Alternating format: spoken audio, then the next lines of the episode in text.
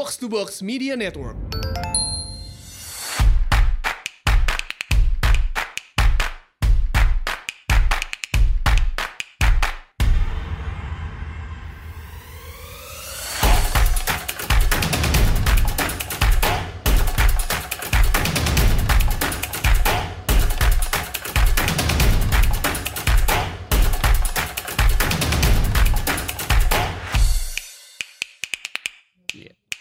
Selamat datang di Asumsi Bersuara. Sebelum kita mulai nih, gue mau say thank you dulu buat Dana. Kebetulan Dana ini emang selalu jadi pilihan gue kalau mau makan atau kalau mau nonton, belanja online gitu. Karena soalnya biasanya promosinya yang paling gede di antara yang lain gitu. Jadi gue paling seneng lah make. Selain itu, Dana juga memberi gue ketenangan hati lah. Karena uh, gue tahu mereka punya yang namanya dana protection. Jadi nggak perlu takut kena tipu kalau pakai dana karena semua transaksinya itu dijamin sama dana. Jadi kalau amit-amit nih kenapa-napa pun duit pasti akan dikembaliin gitu.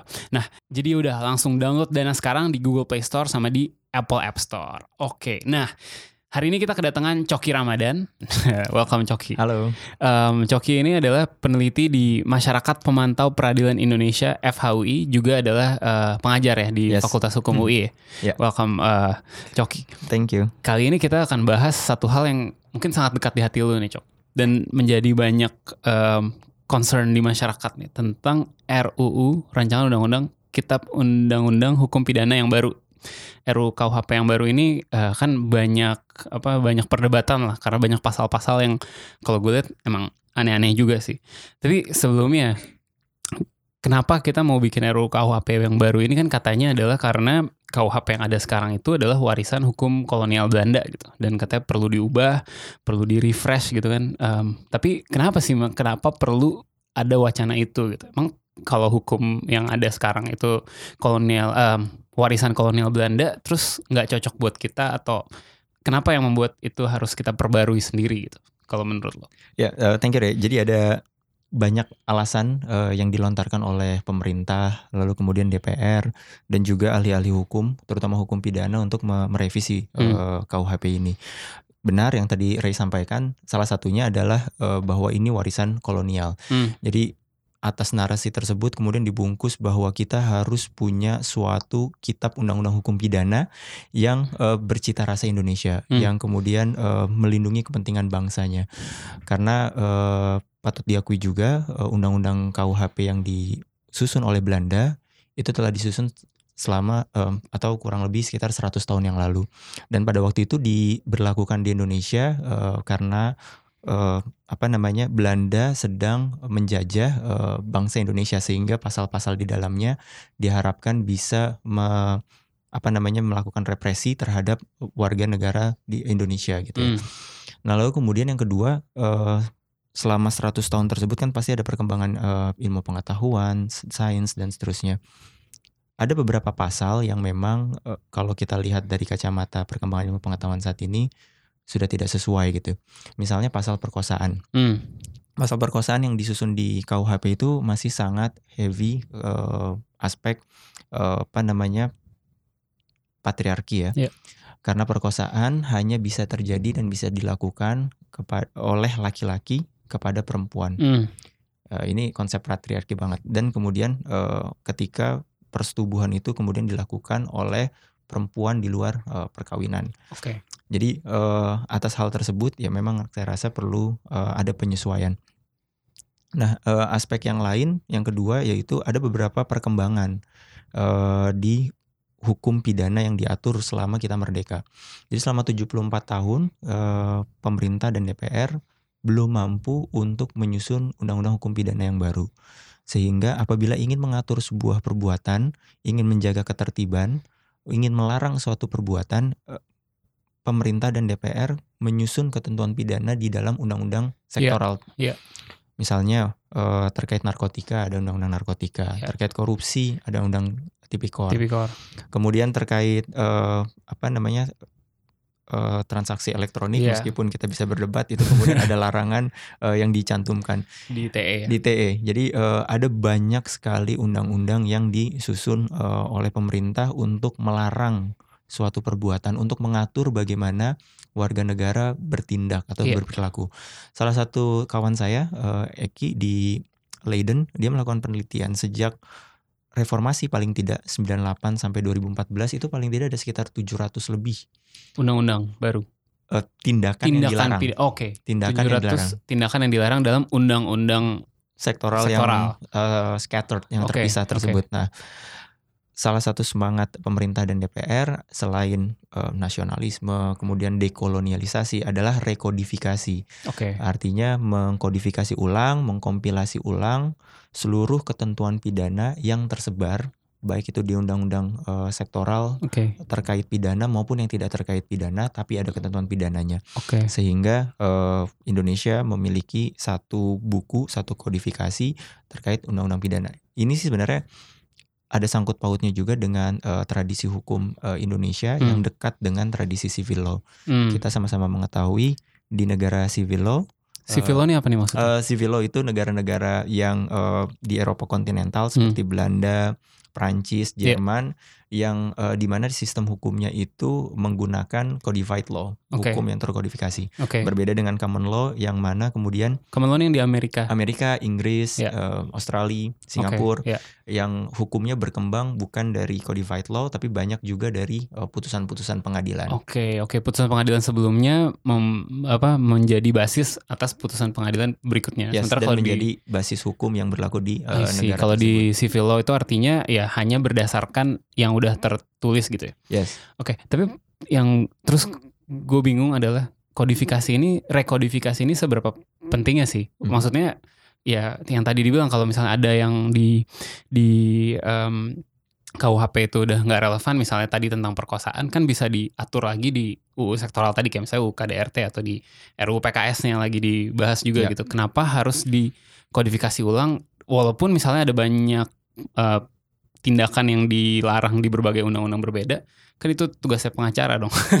Buat buat kayak eh, atau tugasnya jaksa untuk Ya. kayak mem, mem- apa em, ya ini salah berdasarkan UU ini ini Ya. benar berdasarkan UU ini. Kenapa harus di diatur ulang di satu RUU KUHP terus nanti kita bingung lagi.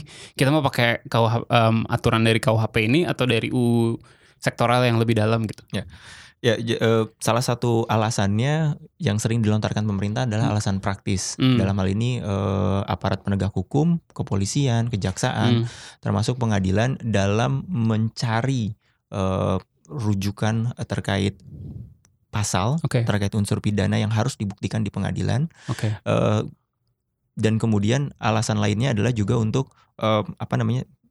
Karena tadi semangat ingin menyesuaikan dengan tradisi hukum eh, civil, civil law law oke untuk mengkodifikasi. Meskipun dalam hal ini dalam perkembangannya sudah terjadi banyak konvergensi ya. Artinya Hmm. putusan pengadilan pun di Indonesia sudah mulai dipakai. sudah mulai dipakai Dan di Amerika Serikat ketika ada putusan pengadilan, kemudian eh, codified law-nya sama mereka di amandemen dan direvisi. Nah mungkin ini salah satu hal yang bisa dilakukan ya eh, Amerika, Belanda, ketika ada perkembangan putusan pengadilan, lalu kemudian pasal-pasal dalam hukum yang sudah ada di amandemen, direvisi atau diberikan catatan sehingga Oke. memudahkan aparat penegak hukum juga untuk menerapkan eh, dan menegakkan hukum sesuai dengan perkembangan yang ada.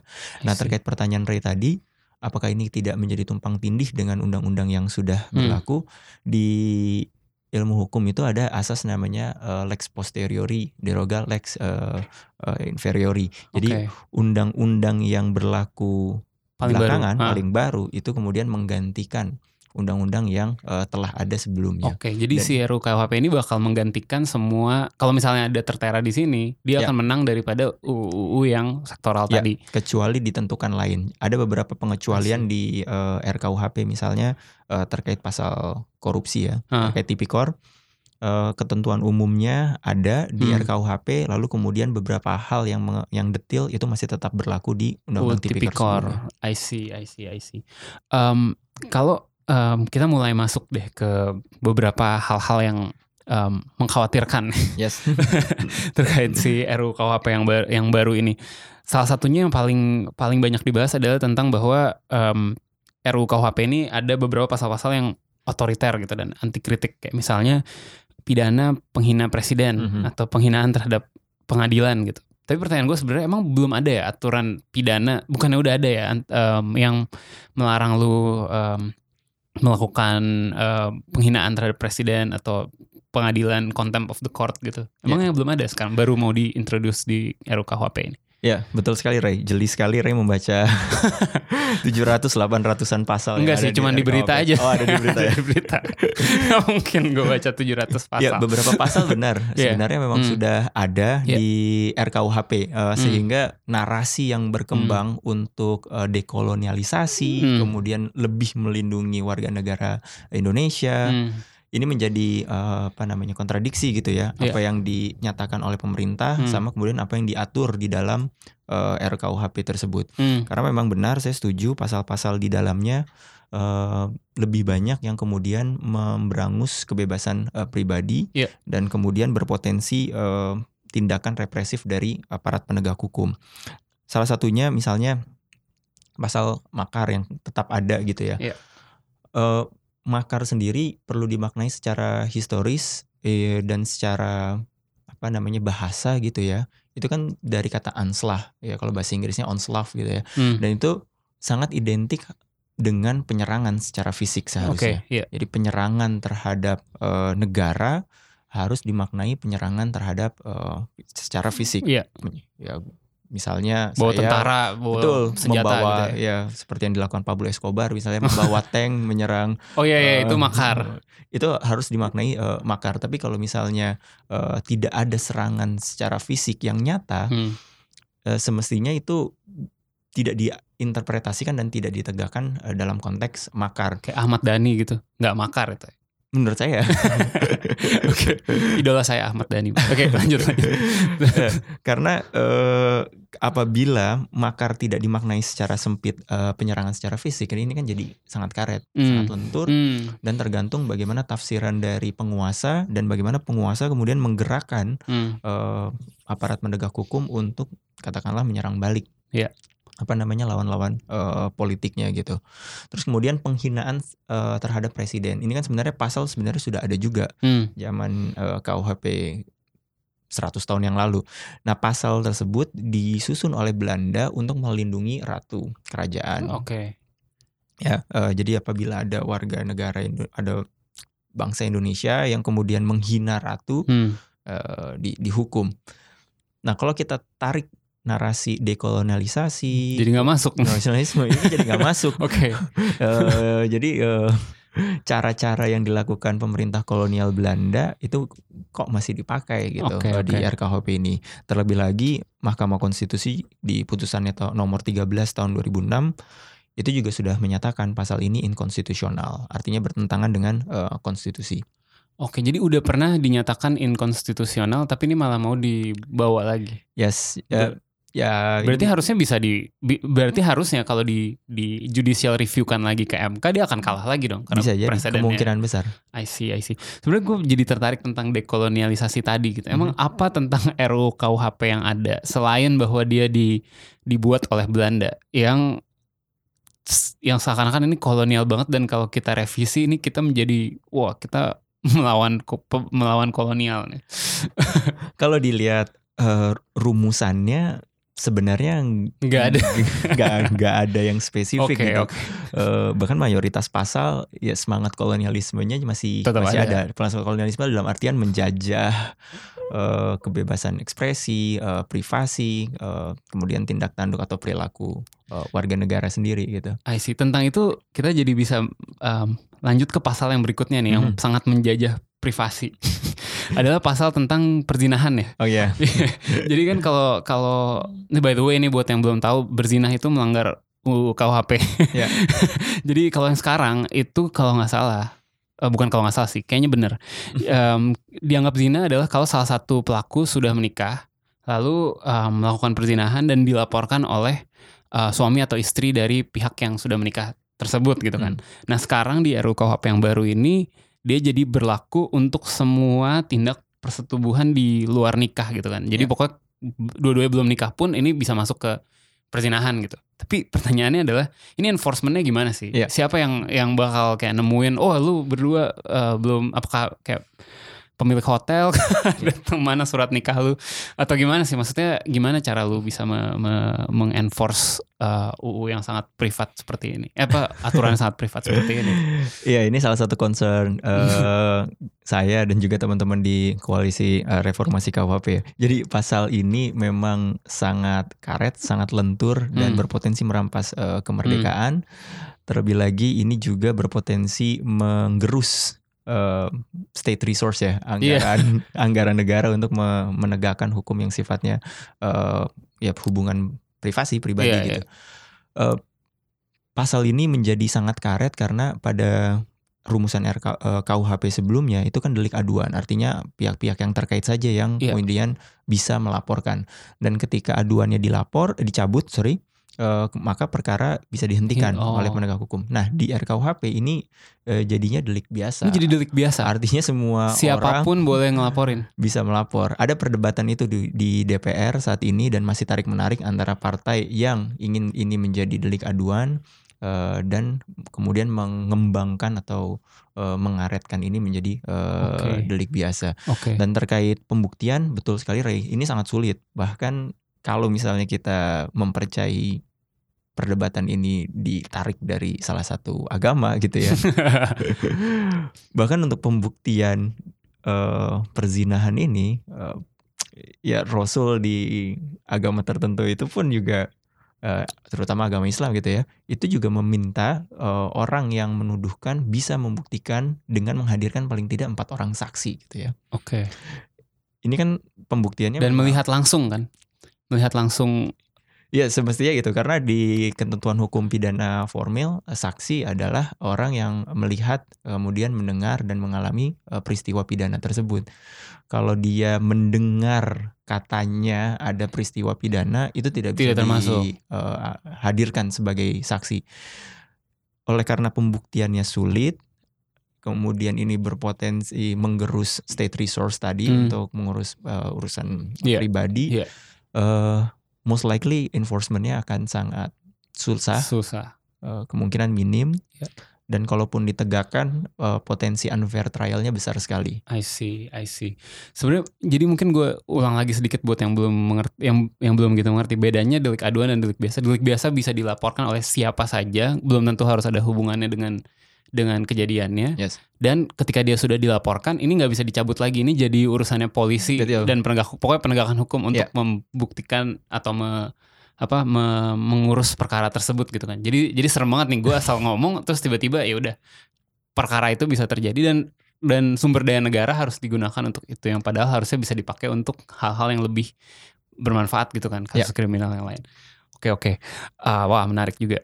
Lanjut, ini tentang penistaan agama. Nah ini sebenarnya mungkin ramai karena emang baru-baru ini emang ada ada kisah kak kisah ada kasus penistaan agama eh, yang high profile gitu. Tapi mungkin kita bisa bisa bisa bahas lebih detail soalnya siapa tahu di masa depan akan ada kejadian-kejadian lagi. Nah ini juga dipertahankan kan Mhm. pasal ini yang tadinya eh, bermasalah gitu kan karena emang karet juga dipertahankan bahkan diperkeras. Jadi katanya ada ancaman untuk orang yang mengajak orang lain untuk tidak percaya agama tertentu gitu atau Hmm. menjadi agnostik ateis.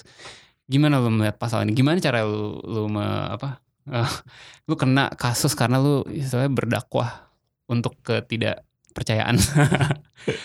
Harus diatur negara ya. Eh, apa hubungannya? Ya balik lagi eh, yang tadi gue katakan ya Hmm. eh, banyak pasal-pasal yang memberangus eh, kebebasan, Kebebasan. Hmm. pribadi dan Hmm. eh, ini salah satunya yang berpotensi.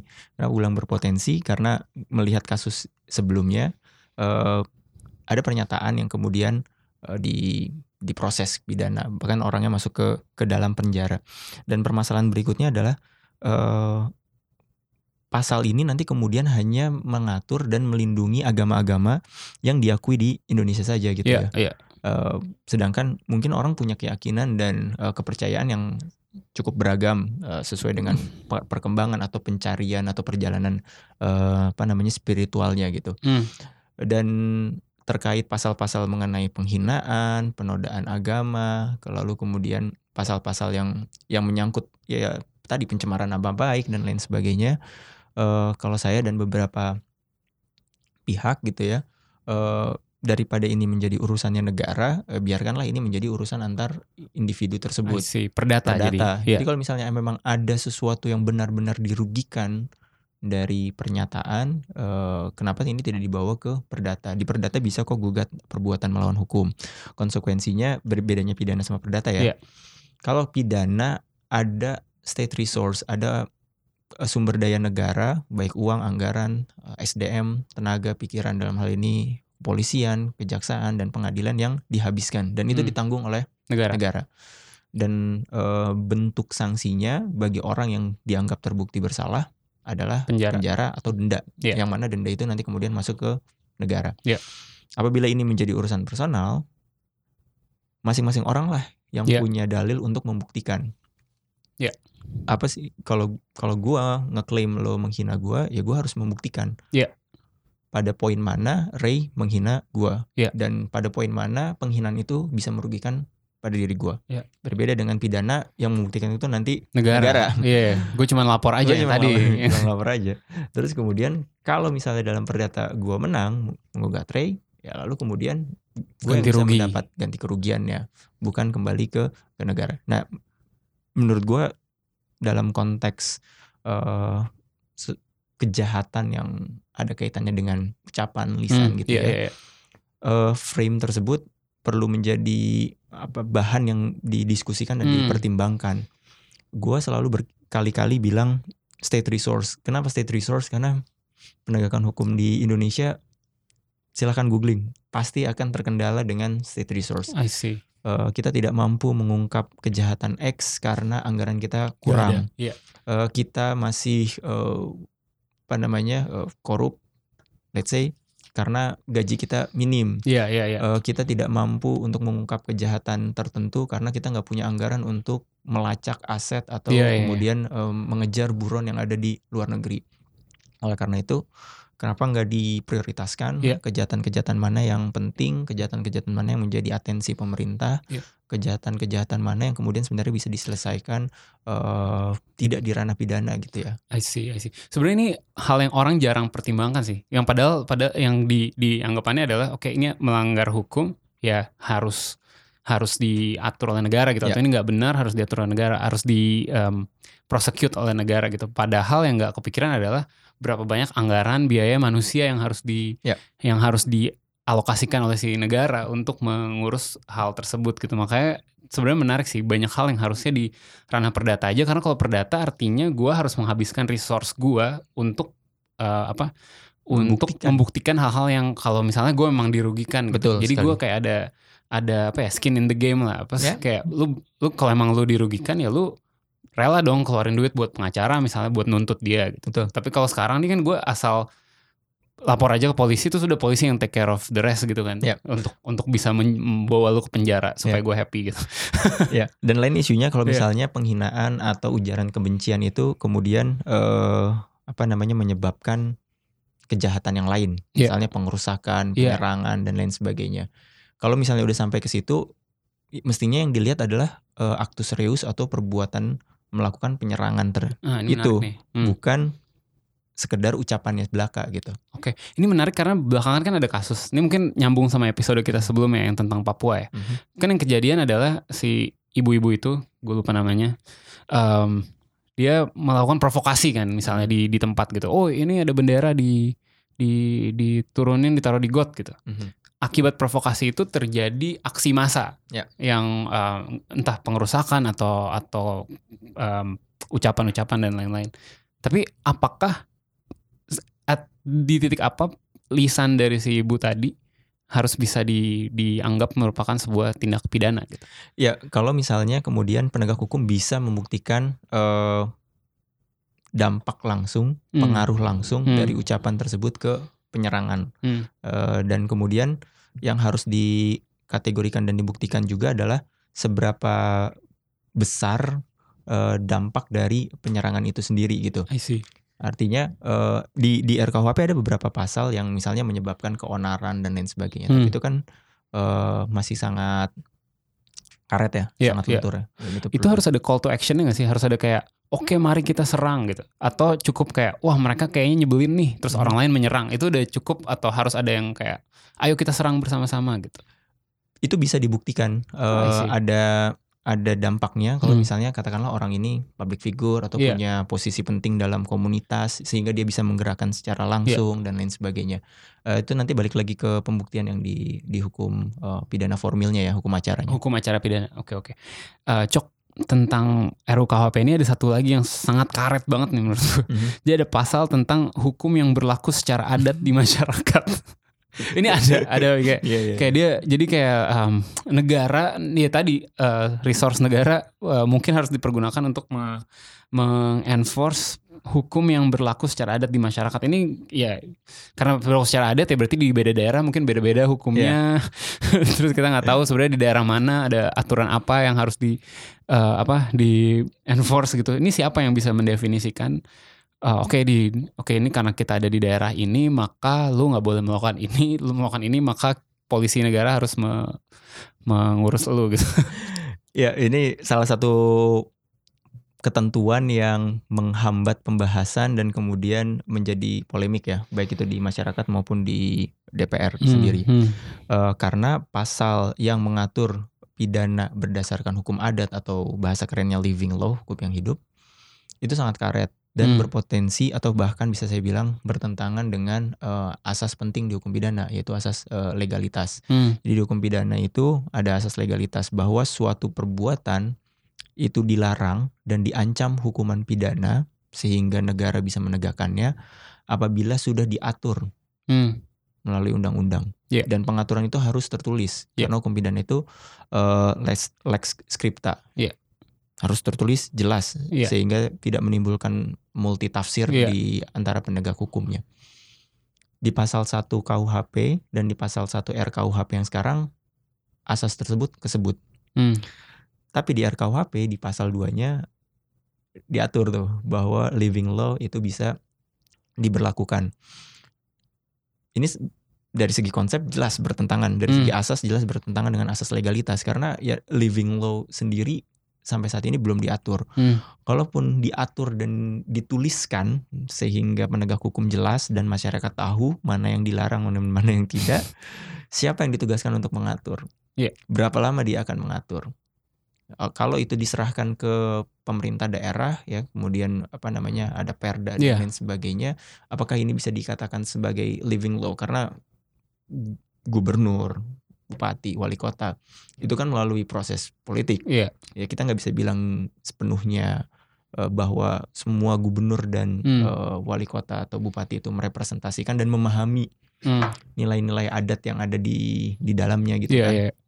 Ya, kemudian eh, dari sisi eh, apa namanya batas itu juga problematik Hmm. sampai sejauh mana hukum adat itu diberlakukan. Misalnya, gua lahir dan tinggal di Tangerang. Iya. Kita tahu dulu Tangerang wilayah Jawa Barat. Iya. Sekarang jadi Banten. Iya. Ya, apakah hukum Jawa Barat itu kemudian berlaku di Tangerang Hmm. atau kemudian hukum adatnya Banten Hmm. yang mungkin berbeda dengan hukum eh, adatnya apa namanya eh, eh, Jawa Barat gitu. Nah, karena berbagai permasalahan tersebut, maka menurut kita koalisi, eh, saya juga mengatakan bahwa seharusnya ketentuan ini tidak diberlakukan. I see. Urusan adat biarlah kita serahkan kepada tokoh adat, kemudian masyarakat adat setempat yang kemudian me- menegakkannya. Atau kita juga punya presiden kan, waktu Profesor Sosiologi Tamrin, eh, kalau nggak salah melakukan penghinaan terhadap Hmm. suku tertentu di Kalimantan. Iya. Lalu kemudian ada mekanisme pengadilan adat setempat yang mengenforce itu dan bisa kok di-enforce. Tamrin kemudian kalau tidak salah eh, meminta maaf dan lain sebagainya. Artinya tidak perlulah campur tangan negara yang tidak mengetahui eh, apa itu hukum adat kemudian Hmm. sulit untuk menentukan batas-batasannya dan ya gak usah banyak kerjaan. Dan ngabisin state resource lah. dan sebenarnya beberapa hukum adat ya bisa juga masuk ke perda daerah tertentu kan. Dan akhirnya jadi tertulis juga gitu. Nggak perlu nggak perlu ditaruh di KUHP sebagai ya kalau di ya? rumusan pada akhirnya menyerahkan ke daerah untuk kemudian mengeluarkan apa namanya Perda. semacam itulah. Tapi I itu yang yang menurut kita jadi uh, problematik ya. Ketika apa namanya negara yang sebenarnya tidak memahami atau tidak mengetahui bagaimana hukum adat itu hidup dan berkembang di masyarakat kemudian diatur let alone nanti penegak hukum si negara itu yang menafsirkan atau menginterpretasikan pasal-pasal di uh, hukum adat tersebut. Dan kalau saya baca beberapa literatur uh, mengenai hukum adat sebenarnya kan tujuannya sedikit berbeda dengan hukum pidana Hmm. in general ya. Hukum pidana itu kan membuat seseorang menjadi nestapa, menderita, membuat seseorang itu uh, takut Hmm. untuk melakukan perbuatan yang dilarang Hmm. sehingga ancaman pidana atau sanksi yang diberi- diberikan yaitu harus membuat orang itu menderita, Iya. kemudian takut dan lain sebagainya. Nah, sedangkan hukum adat di banyak literatur itu konsepnya bukan itu. Konsepnya untuk merestore, mengembalikan eh, imbalance eh, yang disebabkan dari perbuatan seseorang tersebut. I see, I see. Menarik, menarik. Jadi Iya, beda, Be- beda. beda konsep. Jadi kalau marohan. misalnya di beberapa tempat gitu, kalau saya misalnya mencuri atau eh, melakukan suatu ke kejahatan, ada misalnya hukuman saya harus me- mem- mengadakan syukuran atau selamatan yang Hmm. memberi makan warga setempat. Iya, iya, iya. Atau kalau di Papua kalau tidak salah, eh, ketika menyebabkan apa namanya kematian terhadap babi, Iya. ketika itu babinya perempuan, itu harus dihitung eh, jumlah anaknya, karena Hmm. Jumlah anak yang kemudian akan disusui sama si ibu babi ini Hmm. eh, berpotensi kemudian apa Mati namanya juga. mati dan lain sebagainya. I see, I see. Merestore atau mengembalikan eh, kondisi Keseimbangan. keseimbangan, yang eh, disebabkan dari kejahatan itu. I see, I see. Cok di dari tadi kan gue ngomong yang problematik, problematik. Iya. Sebenarnya ada juga ada juga yang yang uh, positif kan. Kayak misalnya yang gue lihat tadi kayak kita sempat sentuh dikit uh, di RUU KUHP yang baru sekarang perkosaan uh, tadi sempat sentuh nggak ya?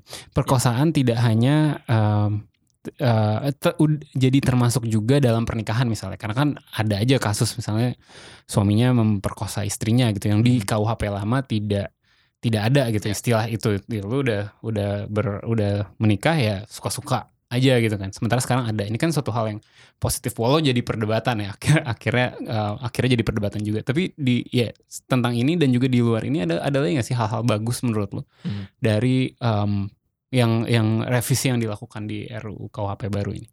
Ya betul sekali Ray. Jadi eh, sebenarnya ketentuan mengenai marital rape, pelarangan Hmm, marital rape kan sudah ada di eh, KDRT, ya. ya Eh, dan kemudian as, dengan asas rekodifikasi tersebut, Hmm. ketentuan yang sudah ada digabungkan, Iya. dikompil Iya. atau dikodifikasi Iya. dalam eh, KUHP.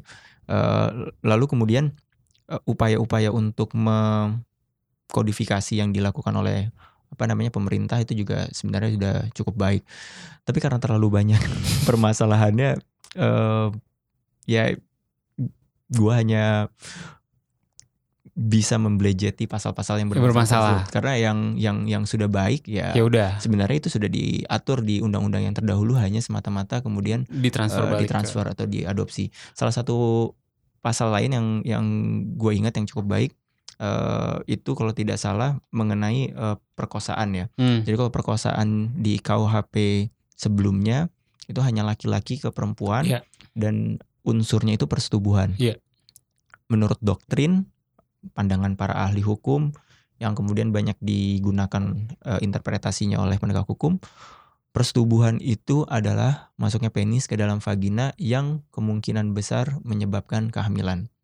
Dari definisi tersebut, maka perkosaan adalah ketika ejakulasi di dalam. I see. Jadi tanpa terjadi itu nggak bukan perkosaan gitu. Bisa di bisa diargumenkan begitu. Betul. Menurut doktrin dan kemudian eh, dipakai banyak oleh eh, aparat penegak hukum. Meskipun sekarang perkembangannya eh, cukup variatif ya, Hmm. tapi mayoritas masih menganut eh, doktrin tersebut. Nah di RKUHP itu eh, itu sudah ditafsirkan cukup luas ya. Artinya eh, ya oral seks kalau itu Hmm. Iya, di- dipaksakan Iya. eh, itu bisa dikenakan pasal. Ini juga gue ada kritik terhadap media sih karena Oh, iya. kemarin tuh kemarin kemarin tuh eh, beritanya adalah oral seks bisa dipidana eh, di KUHP. Eh, headline-nya ya. Itu kan kesannya kayak oke kalau lu melakukan oral seks baik itu adalah eh, suka sama suka gitu. Itu melanggar melanggar eh, KUHP gitu kan. Padahal sebenarnya bahasanya adalah yang dipaksakan. yang dipaksakan. Yang berarti itu sebenarnya justru adalah em, eh, apa bagus dong karena kan Ya. i- karena kan emang ya benar tadi per- kekerasan seksual kan nggak harus masuknya penis ke vagina gitu kan. Ya. Termasuk juga kayak memaksa lu melakukan eh, aksi-aksi seksual lainnya ta- di luar keinginan lu Ya. gitu. Di KUHP lama dia tidak dia dia tetap dilarang. Hmm, Dia tapi tidak dikategorikan sebagai perkosaan, I see. perbuatan eh, cabul ya. Iya iya. Dan hukumannya lebih rendah dibandingkan iya, iya. perkosaan. I see, I see. Eh, em, lanjut cok. Ya.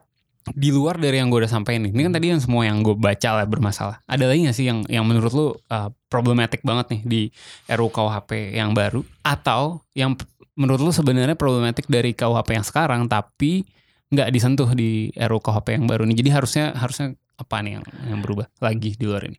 Ya ada beberapa eh, yang cukup bermasalah dan perlu diperdebatkan ya. Hmm. Eh, satu tentu pidana mati. Kita sama-sama saya pribadi dan teman-teman koalisi sama-sama menyadari bahwa pidana mati itu tidak menjamin seseorang itu jera atau menurunkan eh, kejahatan. Oke. Eh, dan ketika hukuman mati itu dihasilkan dari proses yang tidak adil, itu tentu akan berpotensi melanggar eh, perlindungan hak asasi manusia lainnya gitu Oke. ya. Ini bisa jadi satu episode sendiri tentang hukuman Oh, jelas. mati. Karena literaturnya Iya, banyak. iya, iya. Hukuman mati itu eh, tidak berdampak langsung terhadap penurunan eh, Hmm. kejahatan lah. Oke, oke. Kemudian yang kedua eh, terkait korupsi. Hmm. Eh, korupsi diatur ketentuan yang umum, lalu yang detailnya di eh, tetap di Undang-Undang Tipikor. Yang bermasalah lainnya adalah eh, beberapa hal yang sudah diatur di Undang-Undang Tipikor sebelumnya itu belum masuk. Oke. Misalnya eh, percobaan atau eh, pemufakatan. Kalau di Undang-Undang Tipikor yang sekarang saat ini berlaku, percobaan itu dianggap sebagai delik yang selesai, perbuatan yang selesai. Oke. Tapi kalau di sini dianggap percobaan sehingga hukumannya bisa dikurangi. I see, I see. Lalu kemudian eh, jenis jenis pidananya di Undang-Undang Tipikor sekarang ada namanya uang pengganti. Jadi Hmm. uang yang apa namanya eh, dia harus menggantikan kerugian negara. ya kerugian Iya. atau eh, uang yang kemudian di, diperolehnya Iya. di, di- dinikmatinya dari eh, perbuatan eh, korupsinya tersebut. Tapi karena uang pengganti tidak masuk di pidana pokok RKUHP, pada akhirnya nanti penegak hukum tidak bisa menegakkan atau menghukum uang pengganti itu. Oh, jadi enak banget dong. Gue bisa korupsi banyak banget. Terus Ya, gue hanya mengganti denda. Di... dan bayar denda aja. Eh sebenarnya gue gue tertarik tentang denda sih. Dari dulu Ya. tuh gue bingung karena kan misalnya KUHP KUHP di ditaruh sekarang misalnya. Ada suatu kegiatan misalnya didenda gue nggak tahu sih angkanya misalnya 10 juta gitu. Kesannya oh lumayan lah 10 juta. Tapi kan 20 tahun lagi 10 juta apalah Ya. artinya 10 juta. Betul sekali. Kayak ke- kenapa denda itu harus ditaruh secara nominal gitu? Kenapa Mhm. nggak sesuatu yang mungkin nantinya juga ya ter, ya ikut inflasi juga lah gitu supaya nggak aneh banget kan kadang-kadang masih ada tuh buang sampah sembarangan lima ribu atau Iya apa. iya iya. kayak ya mendingan gue bayar aja lima ribu. Di KUHP juga masih Masih ada. masih masih ada Ah. yang yang yang sekecil itu ya. Nah. Ya Harusnya gimana sih? Harusnya denda, denda tuh gimana? Ya, salah satu alasannya kan tadi eh, asas legalitas dan lex scripta tadi bahwa, bahwa ketika penegak hukum ingin menegakkan dia harus punya acuan yang eh, tertulis yang baku. Hmm. Karena kalau tidak baku nanti kemudian penegak hukum eh, apa namanya ya berpotensi eh, di, di digugat sama pihak karena apa dasar lu untuk menghukum gua sekian lu nggak Hmm. mengatur hal itu yang harusnya dilakukan adalah DPR secara reguler merevisi mengamandemen mengupdate ketentuan mengenai eh, jumlah denda tersebut. Jadi harusnya tiap tahun ad- seiring ada paling tidak nggak inflasi. tiap tahun lah. Iya, iya. lima tahun atau Lima 10 tahun tahun, hanya untuk menyesuaikan denda saja. Nggak usah utak atik yang nambah-nambah pasal yang represif lagi ya. Tapi paling nggak fokus Dendanya, ke iya. penyesuaian nggak bisa ya di, di- dibasiskan pada suatu suatu angka lain yang juga diatur. Misalnya kayak denda sebesar berapa kali UMR atau Mhm. sebesar nggak mungkin ya kayak gitu. ya UMR-nya sendiri eh, juga Beda-beda ya, kan iya dan sih. UMR-nya tidak Iya. diatur di undang-undang kan. I see, I see, I see. Iya maksud gue supaya nggak usah setiap tahun ada perdebatan soal uh, RUU KUHP lagi. pernah dicoba sama Mahkamah Agung Iya. eh, dia me- menyusun peraturan Mahkamah Agung untuk menyesuaikan besaran denda Hmm. jadi dari apa namanya eh, ada ada nah akan tetapi dalam pemeras- perma- dalam pelaksanaannya ini jadi permasalahan karena angka berapa yang harus dipakai gitu ya? sebenarnya di perma tersebut diatur tapi ya tadi eh, namanya hukum pidana itu harus diatur oleh hukum. Hukum itu levelnya Hmm. undang-undang.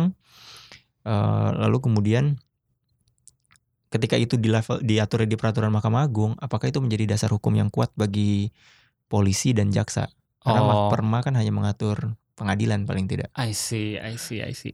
Terakhir deh, terakhir. Ya. Kenapa buru-buru banget sih harus disahkan sekarang nih? Ini kan DPR udah mau udah mau habis banget, Mhm. udah tinggal sebulan kali masa masa masa kerjanya. Kenapa nggak nunggu DPR yang berikutnya aja sih, yang hasil hasil eh, keinginan masyarakat kita di pemilu kemarin? Gitu.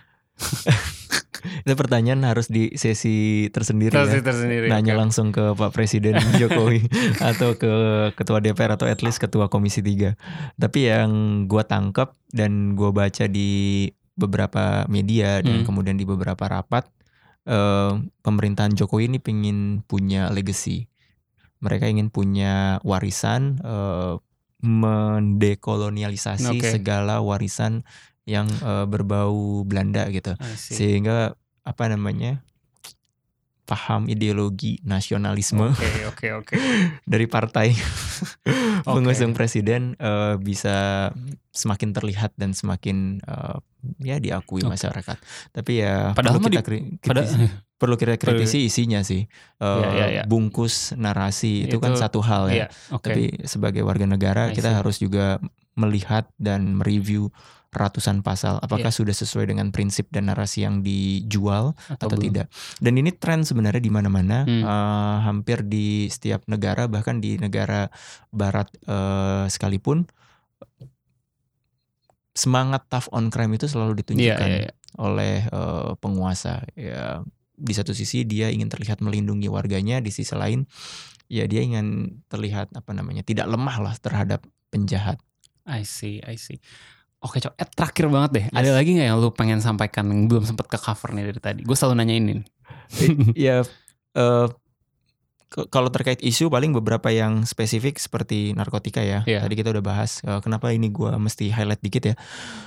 Narkotika itu ke- tindak pidana narkotika penyumbang tahanan dan narapidana terbesar di Indonesia. I see, oke. Dari 120 ribu kapasitas rumah tahanan dan lapas di Indonesia, 100 ribu itu udah diisi sama tahanan dan narapidana narkotika. Oke. Jadi lu bisa bayangin 80% dari 80% dari penjara kita tuh narkotika. yang kapasitas umumnya ya. Tapi Oke. kalau dari total ya itu dia menyumbang 40 40-an persen. Ya ini harus menjadi sorotan serius terutama eh, memberikan rehabilitasi kepada pengguna dan tidak segampang itu menghukum pengguna untuk masuk ke dalam penjara. I see. Jadi harusnya kalau sekarang aturannya pengguna masuk penjara kan? Eh ya, Beberapa aturan ada pasal mengenai rehabilitasi bagi pengguna, tapi rumusan unsur untuk menempatkan pengguna ke penjara itu lebih mudah digunakan oleh penegak hukum. I Karena sesimpel lu menyimpan, memiliki, menguasai. Pertanyaannya bagaimana pengguna tidak memiliki, menyimpan, menguasai Hmm, sebelum dia menggunakan gitu kan. iya iya iya. iya. I see, I see. I Jadi see. eh, hampir sebagian besar kena penjara dan minimal empat tahun. Itu perlu jadi eh, sorotan khusus ya. Dan terakhir ya kita tunda untuk semua lah. Jadi bukan berarti RKUHP itu tidak penting, eh, tapi dengan rumusan yang sekarang kalau dipaksakan disahkan pada periode 2014-2019 terburu-buru. sepertinya terlalu terburu-buru dan eh, masih banyak polemik dan berpotensi bermasalah juga di penegakannya. Jadi kita tunda eh, dan kalau bisa di carry over di Periode berikutnya periode berikutnya Iya. untuk kita kemudian membahas pasal-pasal yang yang bermasalah. bermasalah yang tadi kita Iya. bahas. Lagian di periode selanjutnya juga masih masih legacy Jokowi juga kalau Ya, misalnya. supposedly. Iya. Oke, sekali lagi jangan lupa download Dana di Google Play Store dan Apple App Store buat bisa bertransaksi yang lebih aman. Jangan lupa follow Asumsiko, follow Box to Box ID. Sampai jumpa di episode berikutnya Selasa depan. Ciao.